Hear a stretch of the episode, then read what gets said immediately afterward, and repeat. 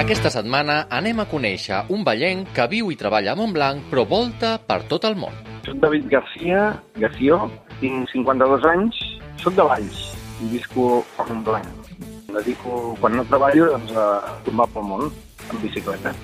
David Garcia és actualment propietari del Xixonenc de Montblanc, la primera gelateria i torroneria que va obrir al municipi i, com diu, un apassionat dels viatges en bicicleta. De petit, ja el terreny esportiu, la competició i el món sobre dues rodes era el que més li agradava.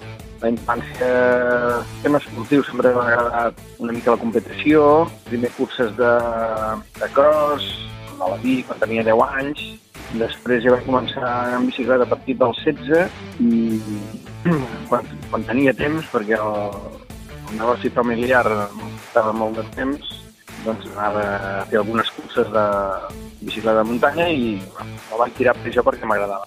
Tema de poder compartir la, la bicicleta en el terreny muntanyós. En David explica que el que més li atreia era el contacte amb la natura i conèixer nous indrets. I segurament el nostre protagonista gaudia de petit cada cop que hi havia una excursió escolar.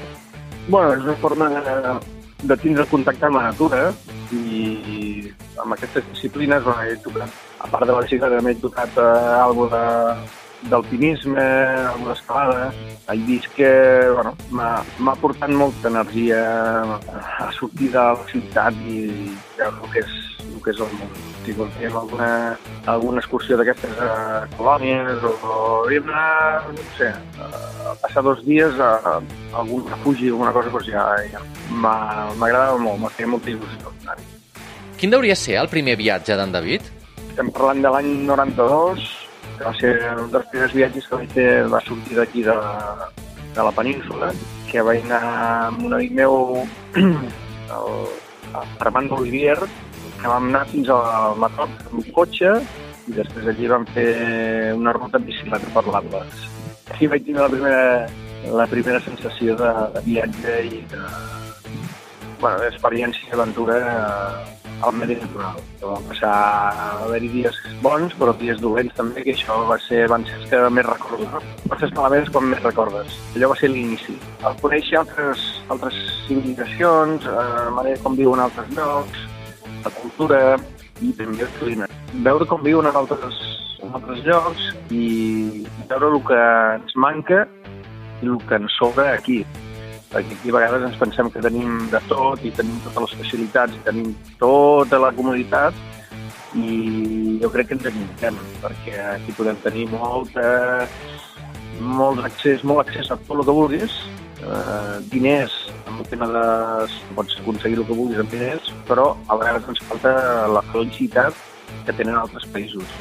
Que el simple fet de veure baixar el sol amb companyia de família, amb companyia d'amics, és la prioritat del dia.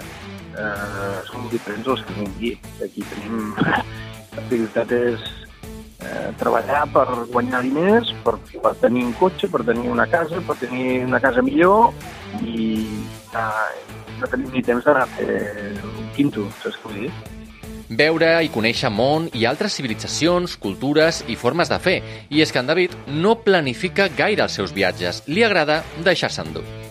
Jo diria que un 80% ha sigut d'aventura. O sigui, agafo el, el mapa, miro on vull anar, llavors agafo el bitllet d'avió, monto el tema de la bicicleta i, i llavors me monto el viatge de, de, de sortir del punt i arribar a un altre i mica en mica em vaig muntant el, el viatge.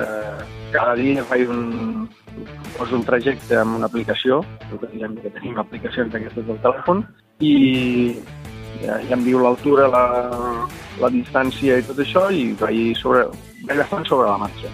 No tinc preparat, de dir, mira, vull dormir a tal lloc, no, no. Porto, porto sac també, per si, per si em quedo a la intempèrie. Cada dia tens una aventura nova, i et trobes amb gent que t'aporten moltes coses, no? perquè a vegades millor si tens un hotel contractat ja, arribes aquí, hola, bona tarda, contestes amb l'internet, pum, pum, fan el paper, vinga, puges a dormir, ja està. En canvi aquí, has de mirar a veure aquesta habitació, a veure si a veure com està, vale. mires, decideixes si te la quedes o no, i a banda d'això, llavors eh, interactues amb la, al seu hotel. Escolta, hi ha un lloc per, per menjar alguna cosa d'aquí del poble, eh, quins llocs per visitar teniu, ja interactues i, bueno, eh, integres més a a la, a la persona de, amb el personal d'aquest poble. Cada dia una aventura nova i amb si mateix, i és que darrerament en David viatja sol, el que li permet conèixer i dedicar-se temps a si mateix i a conèixer altres en el seu camí.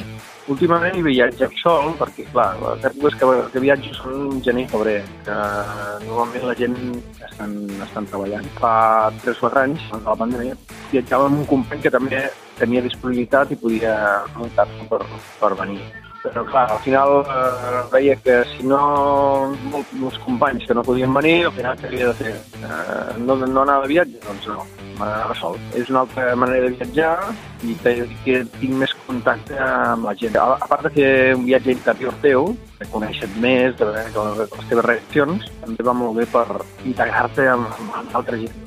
Em pregunto quin deu ser de tots els viatges el que més ha marcat el nostre protagonista tots els viatges han tingut seva petjada, però, per exemple, ara últimament el que, el que he fet més recent, que ha sigut a Colòmbia, aquest m'ha deixat bastant petjada en el sentit, en el que tant del clima com la vegetació com la gent m'ha agradat molt a part que he tingut, eh, he pogut aprendre moltes coses amb el tema del cafè, que bueno, jo treballo en, en tema de cafès, just abans de la pandèmia, perquè està a Àfrica, vaig fer Uganda, Ruanda i Tanzània, i aquell també va ser un viatge molt bèstia. Em vaig enfrontar a, a la realitat, no? que havies d'interactuar molt amb la gent d'allí, en molts llocs quasi que no parlaven ni anglès, i bueno, al final també te dones compte que abans dels gestos pots arribar a tot arreu, no? De menjar, de dormir, això amb dos gestos ho tens aclarit.